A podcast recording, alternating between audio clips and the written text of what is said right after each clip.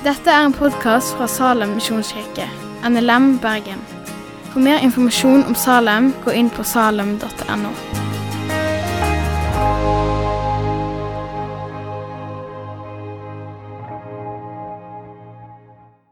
Herre Far, vi takker deg for din hellige ånd, som utruster, og som gjør levende, som kaller oss til etterfølgelse, og som gir oss et fellesskap. Herre, vi ber om at de ordene som skal deles nå, kan få være til tro, til å leve på og til å bruke i vårt liv i menigheten, Herre Jesper. I ditt navn. Amen. Jeg er så glad for dette temaet, Den hellige ånd og menigheten. Og jeg synes det er så stas at, å få dele noen tanker om hva Den hellige ånd gjør med menigheten. Og jeg synes det er utrolig stas at Cecilie, som, som er med i leder i søndagsskolearbeidet vårt, fikk dele noe om nådegaver mens barna hørte på, de voksne hørte på, på generasjonsgudstjeneste. Og at Svein, vår, han som var pastor før meg, fikk dele noe om åndens frukter. Og at Eivind, som var pastor for veldig lenge siden, eh, skal dele noe om nådegaver neste søndag. Dette er noe som, som vi gjør internt, vi som, som, som, har vært i lederskap her i salen. For vi ønsker at dette er viktig for oss, og at vi får si noe om. At dette er oss, dette er Salem. Dette er ikke noen som kommer utenfor og sier hvordan skal dette se ut, men, men hvordan tenker vi at dette skal være for, for menigheten vår. Og Nådegaver er tema i dag. og jeg synes det er veldig spennende. Og kanskje for deg som ikke er kristen òg, hvis du er på besøk, Av og til så skjer det ting som vi ikke kan forklare. Og Kanskje har du hørt noen sånne historier fra kristne fellesskap. Mennesker som blir helbreda etter at det var noen som ba for dem. Eh, kanskje har du vært på et møte og kjent at en taler virkelig sa noe rett inn i ditt liv. En taler som aldri hilste på deg. Eller en bibeltime som plutselig har åpna Bibelen for deg, sånn at du går ut derfra med en, med en sterkere tillit til Gud. Og, hva var det som skjedde? Noe virkelig snakka til meg her. Eller at noen kom bort til deg med et, med et budskap som sa jeg, jeg opplever at, at du skal vite dette. Og så er det noe som som treffer deg så rett inn i livet ditt, og som, som skaper fred. Kanskje har du hatt besøk av noen i menigheten. Et besøk der du fikk sitte og kjenne at 'jeg er tenkt på'. Og når de lukker døra, så kjenner du 'jeg er elska'. At du kjenner deg verdifull, at du kjenner deg sett. Og Kanskje har du fått kjenne på friheten etter et, et samtale i et lukka rom, en sjelesorgsamtale. En veileder, en sjelesorger som fikk vise deg ja, men, ja, men du er elska. Uansett hva du har opplevd, se her, Jesus elsker deg og gir sitt liv for deg. Ubetinga. Og at den kjærligheten gjelder alle aspekter av ditt liv. Hva er det med kristendommen som gjør at vi har mange sånne vitnesbyrd? Mange sånne ting som gjør at vi erfarer virkelig at, at noen møter oss med en varme, en kjærlighet. Det skjer altfor ofte til at vi kan avskrive det som suggesjon eller bare tilfeldigheter. Da vil vi få problemer med statistikkregningen vår. Hva er det egentlig som skjer? Bibelen bruker to forskjellige begreper. Et er relativt kjent, som vi hører i mange sammenhenger. Det er karismata. En karismatisk person, eller noe som er veldig karismatisk. Av og til er det ordet synonymt med, med kjernepunktet i kristendommen. Når vi leser om det i Bibelen, så handler det om nåde, frelse. Guds karismata, Guds nådegave, er evig liv. Det er en gave fra Gud. En gang brukes det faktisk om å være gift. At det er en nådegave å få leve som ektefelle. I samme tekst brukes det om å være en nådegave å leve som enslig. At du får kraft til det livet òg. Men oftest så er det ordet oversatt med begrepet nådegave. Det andre begrepet det handler om at det er noe som hører ånden til. Det kan være en åndelig person, en, en åndelig sang, men òg en åndelig gave. Så ut fra dette så forstår vi at nådegaver det er åndelige gaver som kristne mennesker får ufortjent av nåde. Dette er ikke en sånn lønn for takk for lang og tro tjeneste. Dette er noe som Gud gir. Den hellige ånd og menigheten. Vi har lært at Den hellige ånd overbeviser først og fremst om synd og drar oss til Kristus. Og Der har vi også lært at, at den løfter fram og bærer fram åndens frukter i oss, som gjør oss mer lik Jesus. Og så er det dette med nådegaver. Nådegavene det er Den hellige ånd som gir oss Jesu kraft for å brukes i fellesskapet. Han gir sine disipler, oss, kraft til å fungere som deler av hans kropp. Sånn som Kristin leste i innledningen. Målet er at hver enkelt av den kristne skal modnes og vokse opp og bli det mennesket som ligner på Jesus. Og det er vekst for menigheten. Og det er at Gud skal bli æra rundt oss. Det er målet for nådegavene. Vekst og Guds ære. Vi kan ikke løsrive nådegaver fra kristen vekst og Guds ære. Hvis det ikke fører til vekst, så er det ikke nådegave brukt riktig. Hvis det ikke fører til Guds ære, men din egen ære, så er det heller ikke brukt riktig. Vekst og Guds ære. Så nådegaver Vi kan si at nådegaver er Guds gaver til Guds folk. For Guds folk, til Guds ære. Nådegaver er Guds gaver til Guds folk, for Guds folk, til Guds ære. Vi kan ikke holde menigheten utenfor temaet nådegaver. For det er hovedgrunnen til at vi har nådegaver.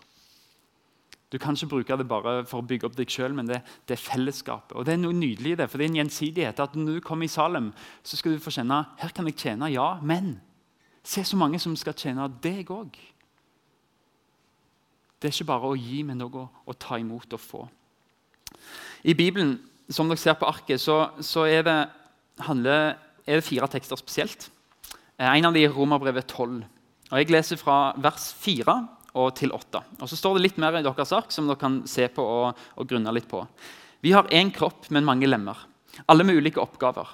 På samme måte er vi alle én kropp i Kristus, men hver for oss er vi hverandres lemmer. Vi har forskjellige nådegaver. Alt dette er en nåde som Gud har gitt oss.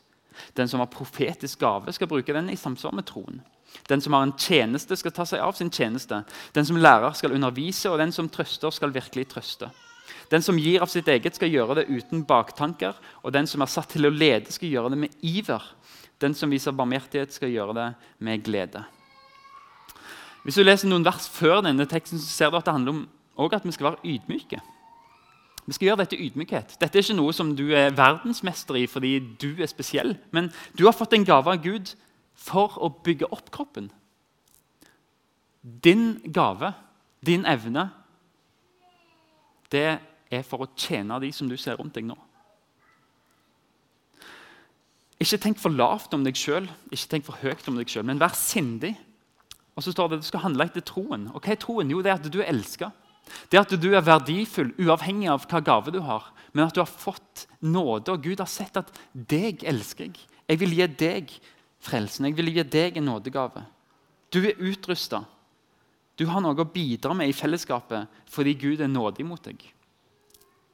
Vi skal være ydmyke, men også stolte over det Gud har gitt oss. Og Så nevnes en del gaver. I deres ark så ser dere sånn strek under de som, som blir kalt for nådegaver. Og Paulus nevner her profetisk gave. Så tenker jeg at jeg skal prøve å si noe om noen av nådegavene. Men vi rekker jo ikke alle. Men, men noen som kanskje kan være litt sånn Hva er dette for noe? De har jeg lyst til å si noe om. Så det blir på en måte litt sånn undervisning, egentlig litt speed-undervisning om noen av nådegavene. Og så har jeg en bok der etterpå som jeg har lyst til å snakke om på slutten av møtet, som gir en veldig god innføring synes jeg, i mange av nådegavene. Men profetisk gave det tenker vi handler om å snakke med en guddommelig inspirasjon. Ikke alltid, men når, når en får et budskap eller kanskje til og med når en taler, når en forkynner. Det er forskjell på profetene i Bibelen, i Gamle testamentet, og det er forskjell på profetene apostlene, for de skal vi lyde. Men de som taler profetisk i dag, de skal vi teste på Guds ord. Stemmer det overens med det som står her?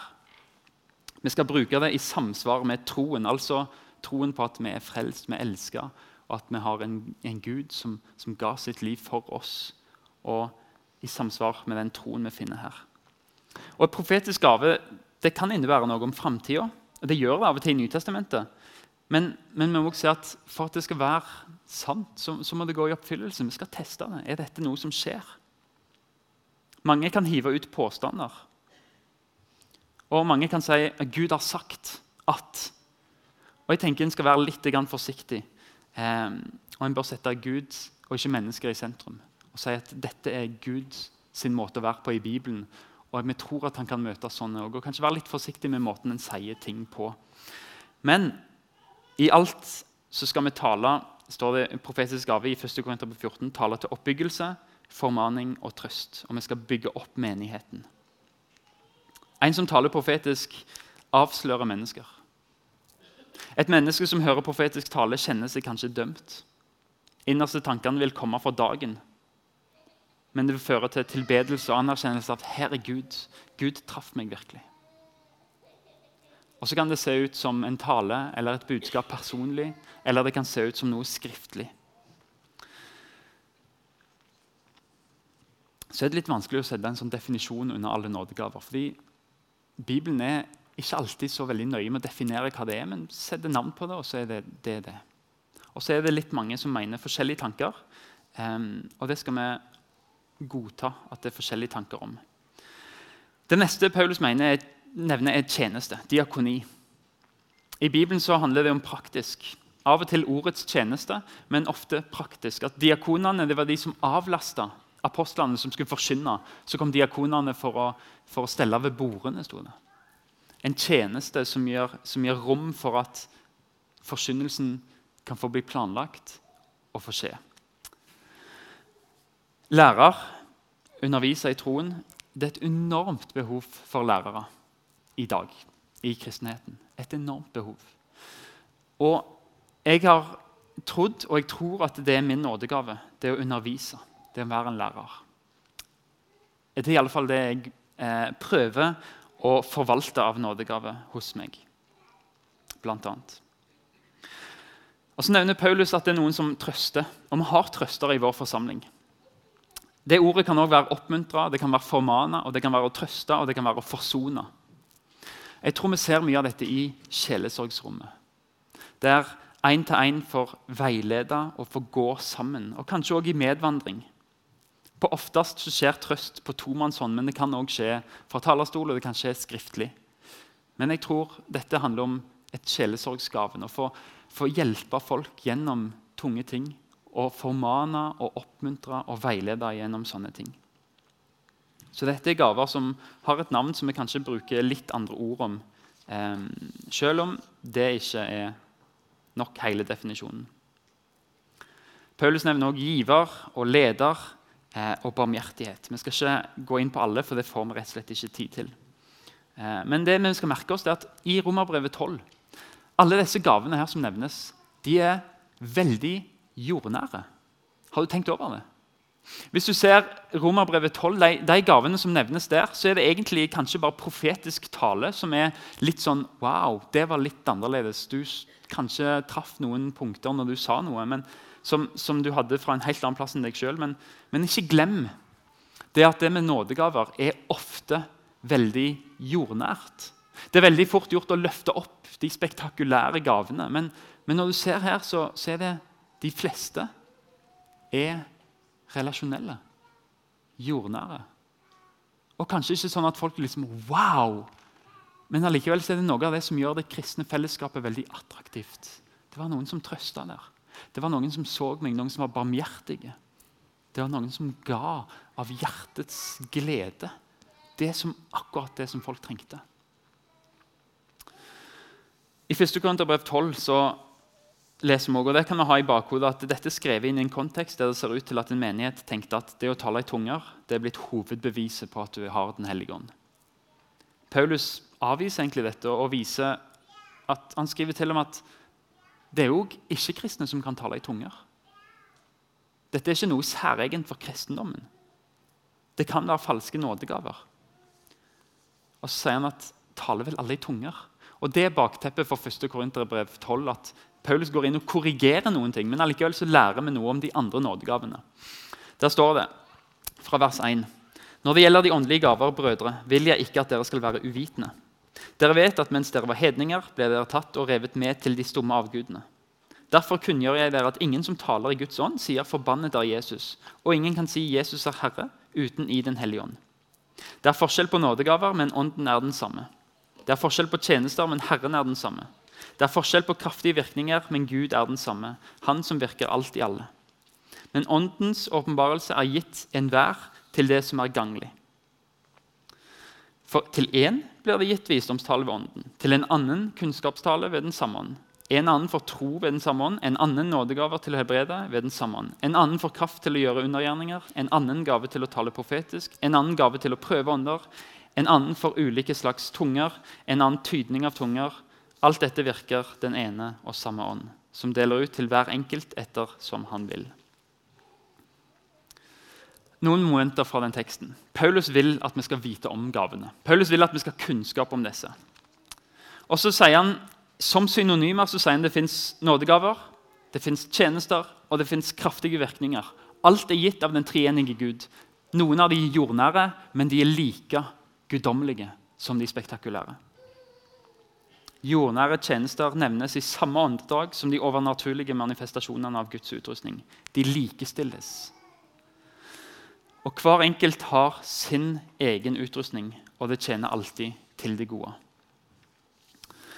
Paulus nevner her som han ikke nevnte i Romerbrevet 12, å tale visdom.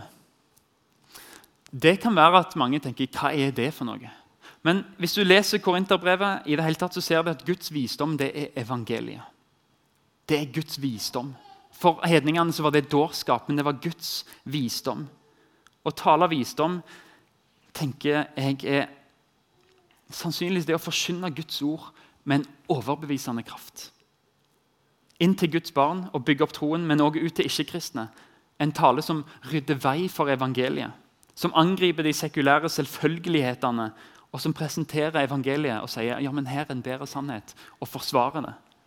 Det kan være apologetikk eller vise svar på vanskelige spørsmål. Men det handler trolig tenker jeg, om det å formidle det guddommelige visdomsord, evangeliet, om Jesus på en så direkte måte som treffer kristne og ikke-kristne, med en gjennomslagskraft som er Den hellige ånd. Gaven til å svare rett i vanskelige situasjoner. Og jeg tenker at Vi har eksempler på disse i, i moderne tid. Jeg tror C.S. Lewis var en helt tydelig gave der. Å vise evangeliet med en vanvittig kraft.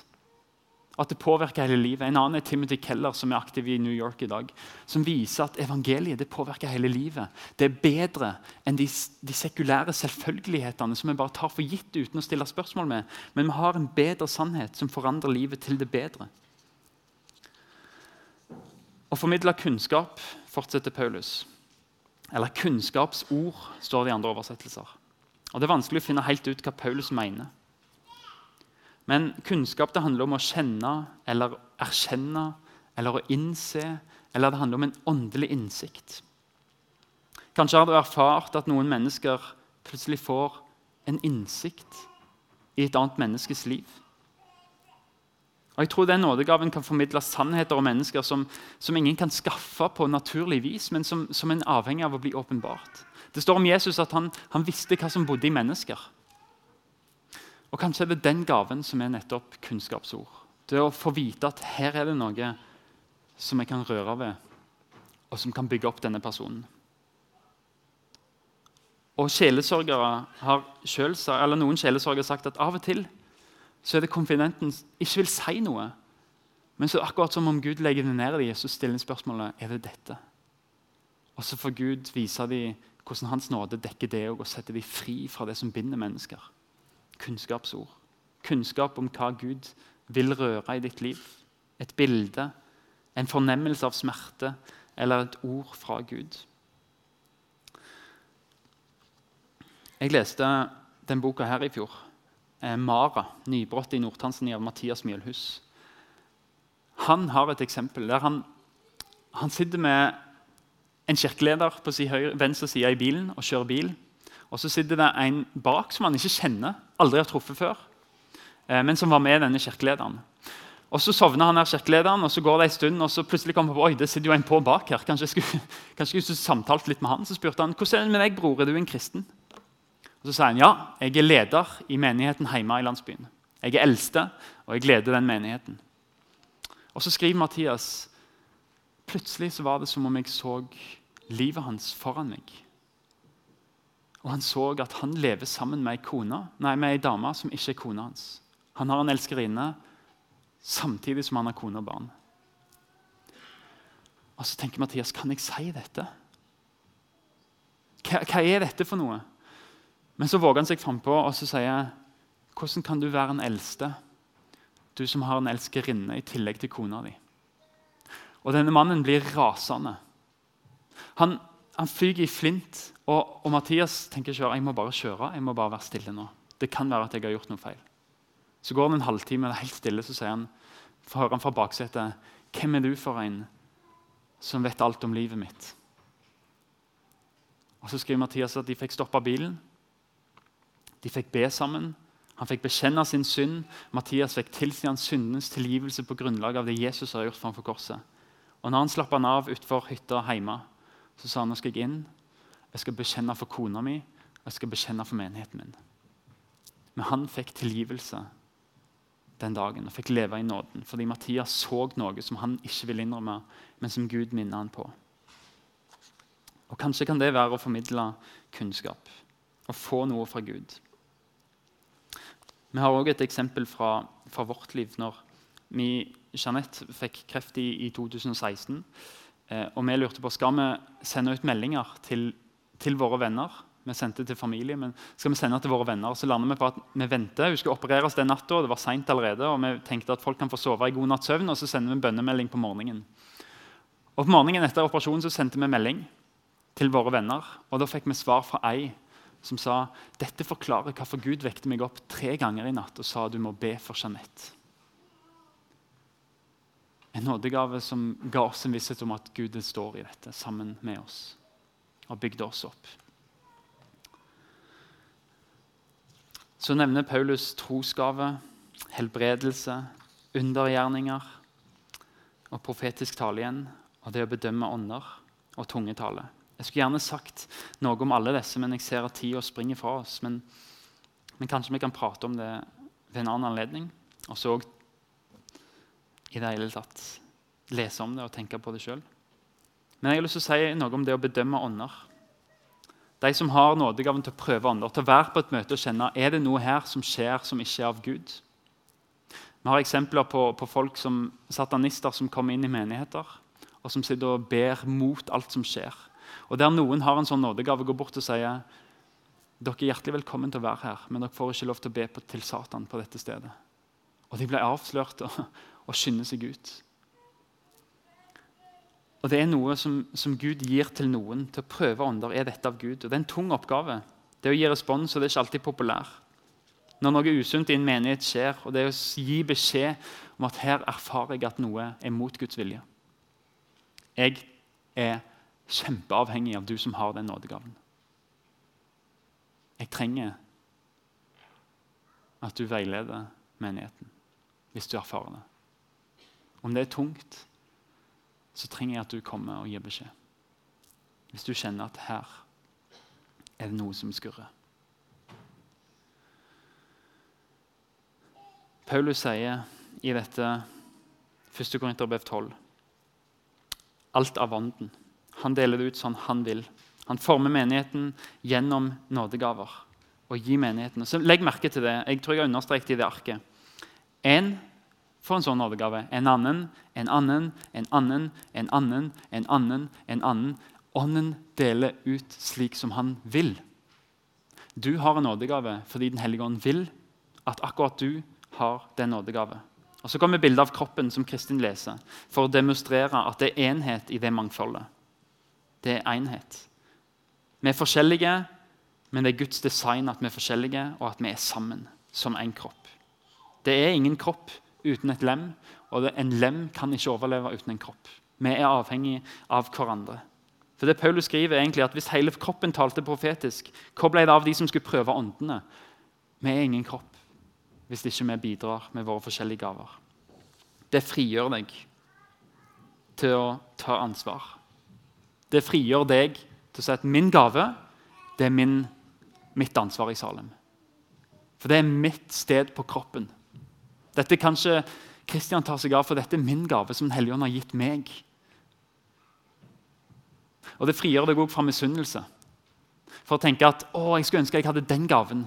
Så er svaret du har den gaven, for det er din kropp.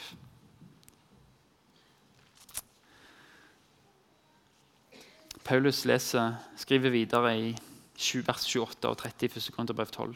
Og Gud satte inn i menigheten først noen til apostler, for det andre profeter, for det tredje lærere og deres kraftige gjerninger.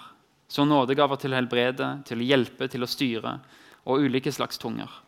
Er vel alle apostler, er vel alle profeter, er vel alle lærere. Gjør vel alle kraftige gjerninger. Har vel alle nådegaven til å helbrede. Taler vel alle med tunger.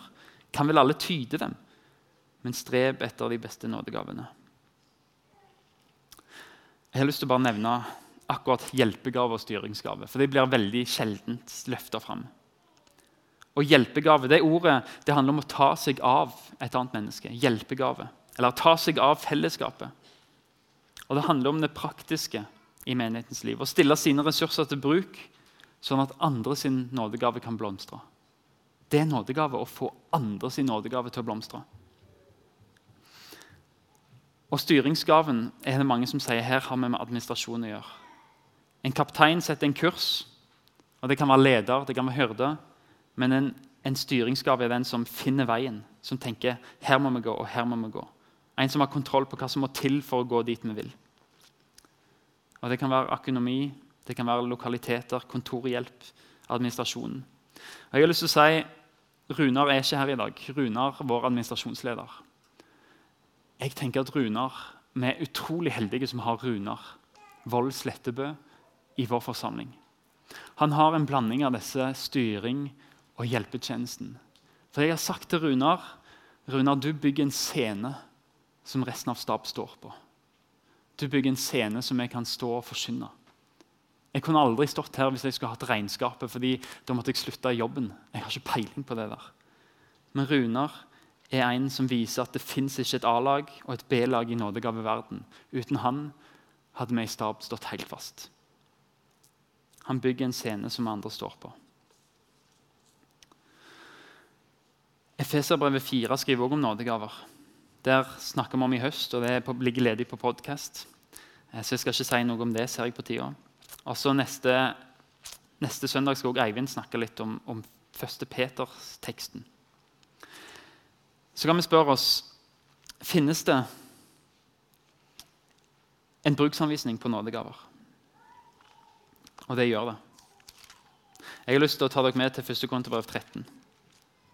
Fordi I 1. Korinterbrev 12 så skriver Paulus om, om, nådegaver. Og så kommer plutselig dette kjærlighetskapitlet om ekteskap og om alt sånne oppblåste greier. Og så 14 så er det plutselig nådegaver igjen. Og så tenker mange det kapitlet er totalt feilplassert. Men det er ikke det. For det er en bruksanvisning på nådegaver. For det første så viser det oss Jesus som den ultimate kjærligheten. Jesus er kjærlighet. Og Dette kapittelet forteller oss noe om hvem Jesus er. Um, kjærligheten Jesus er tålmodig og velvillig. Misunner ikke, skryter ikke, er ikke hovmodig, krenker ikke, søker ikke sitt eget. Men samtidig så har Paulus plassert det inn der, midt i nådegavekapitlene, for å vise oss hvordan praktiserer vi som Salem nådegaver. Og det jeg vil du skal tenke er at Du er 1. Korinterbrev kapittel 13 når noen har en tjeneste i Salem. Når noen prøver en ny nådegave, eller når noen prøver seg på er dette min nådegave, så vil jeg at du skal tenke min bruksanvisning er første kor 13, og det er kjærlighet. Jeg er velvillig. Ok, Så spennende at en ny person vil prøve dette. Jeg er velvillig. Jeg, jeg ønsker at dette skal gå bra. Jeg er tålmodig. Ok, Det gikk, gikk kanskje ikke første gangen, men denne personen kommer til å lære å vokse. Og Jeg vil gi respons, for jeg er tålmodig. Jeg vil se denne personen vokse. Kjærligheten misunner ikke fordi jeg vet at hans gave det er min gave, for vi er på samme kropp. Den skryter ikke. Den sier dette er ikke, dette er ikke meg, men, men, dette er av Jesus. Dette er av nåde. Den er ikke hovmodig som sier jeg er bedre enn de andre, for min nådegave er viktigere. Nei, vi er ydmyke og ser at dette er av nåde, alt sammen. Vi krenker ikke. Du gjorde totalt feil. Men vi veileder. Men vi krenker ikke. Vi søker ikke vårt eget, for vi bygger opp fellesskapet. Vi er ikke oppfarende, for vi er fulle av nåde. Og vi gjemmer ikke på det vonde, men vi sier 'prøv igjen'. Denne gangen med litt veiledning. Vi gleder oss ikke over urett, men har sin glede i sannheten om at vi alle sammen er svake, fylt av Den hellige ånds kraft, og kan vokse i det. Det er bruksanvisningen. Så skulle jeg sagt noe om hvordan en kan finne sin nådegave. Men jeg har lyst Det kan vi kanskje ta helt til slutt. Men åndens gaver er aller først og fremst Kristus' evner.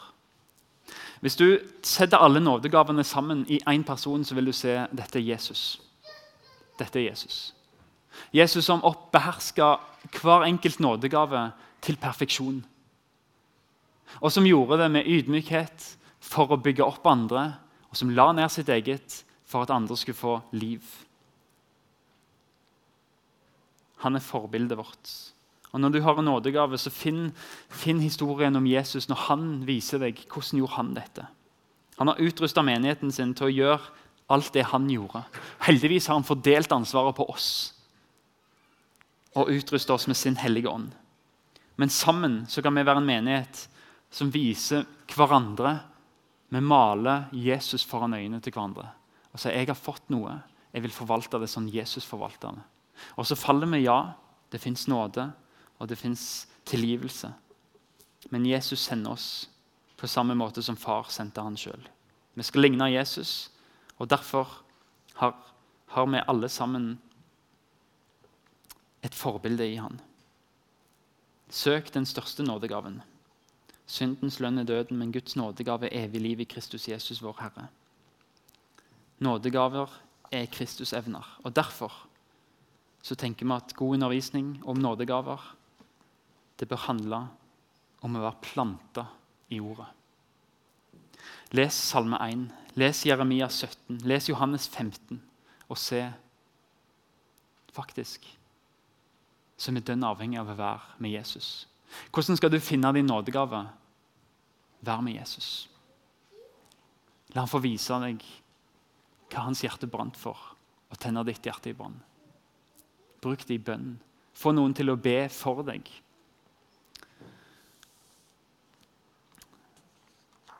Men den som er planta ved det levende vann, han bærer frukt i rett tid.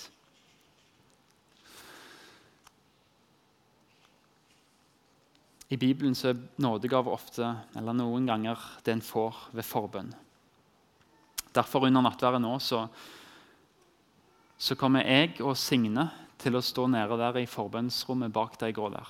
Vi har lyst til å be for alt. ja, Helbredelse. Vi har lyst til å be for eksamener, vi har lyst til å be for nye jobber eller familier eller noen som ikke er her. Vi har lyst til å be sammen med dere, men vi har i dag spesielt også lyst til å ønske deg velkommen til å bli bedt for for å finne din nådegave om å bli fylt av visdom og innsikt som gjør at du finner det som Jesus har planta ned i deg. Og Kanskje er det ikke så veldig magisk, men like jordnært som at, som at du finner noe som, som, du brenner for, og som du er god på, og som andre sier at du er god på. Jeg pleier å si at nådegave det er når du sitter i menighet, og du er mest kritisk.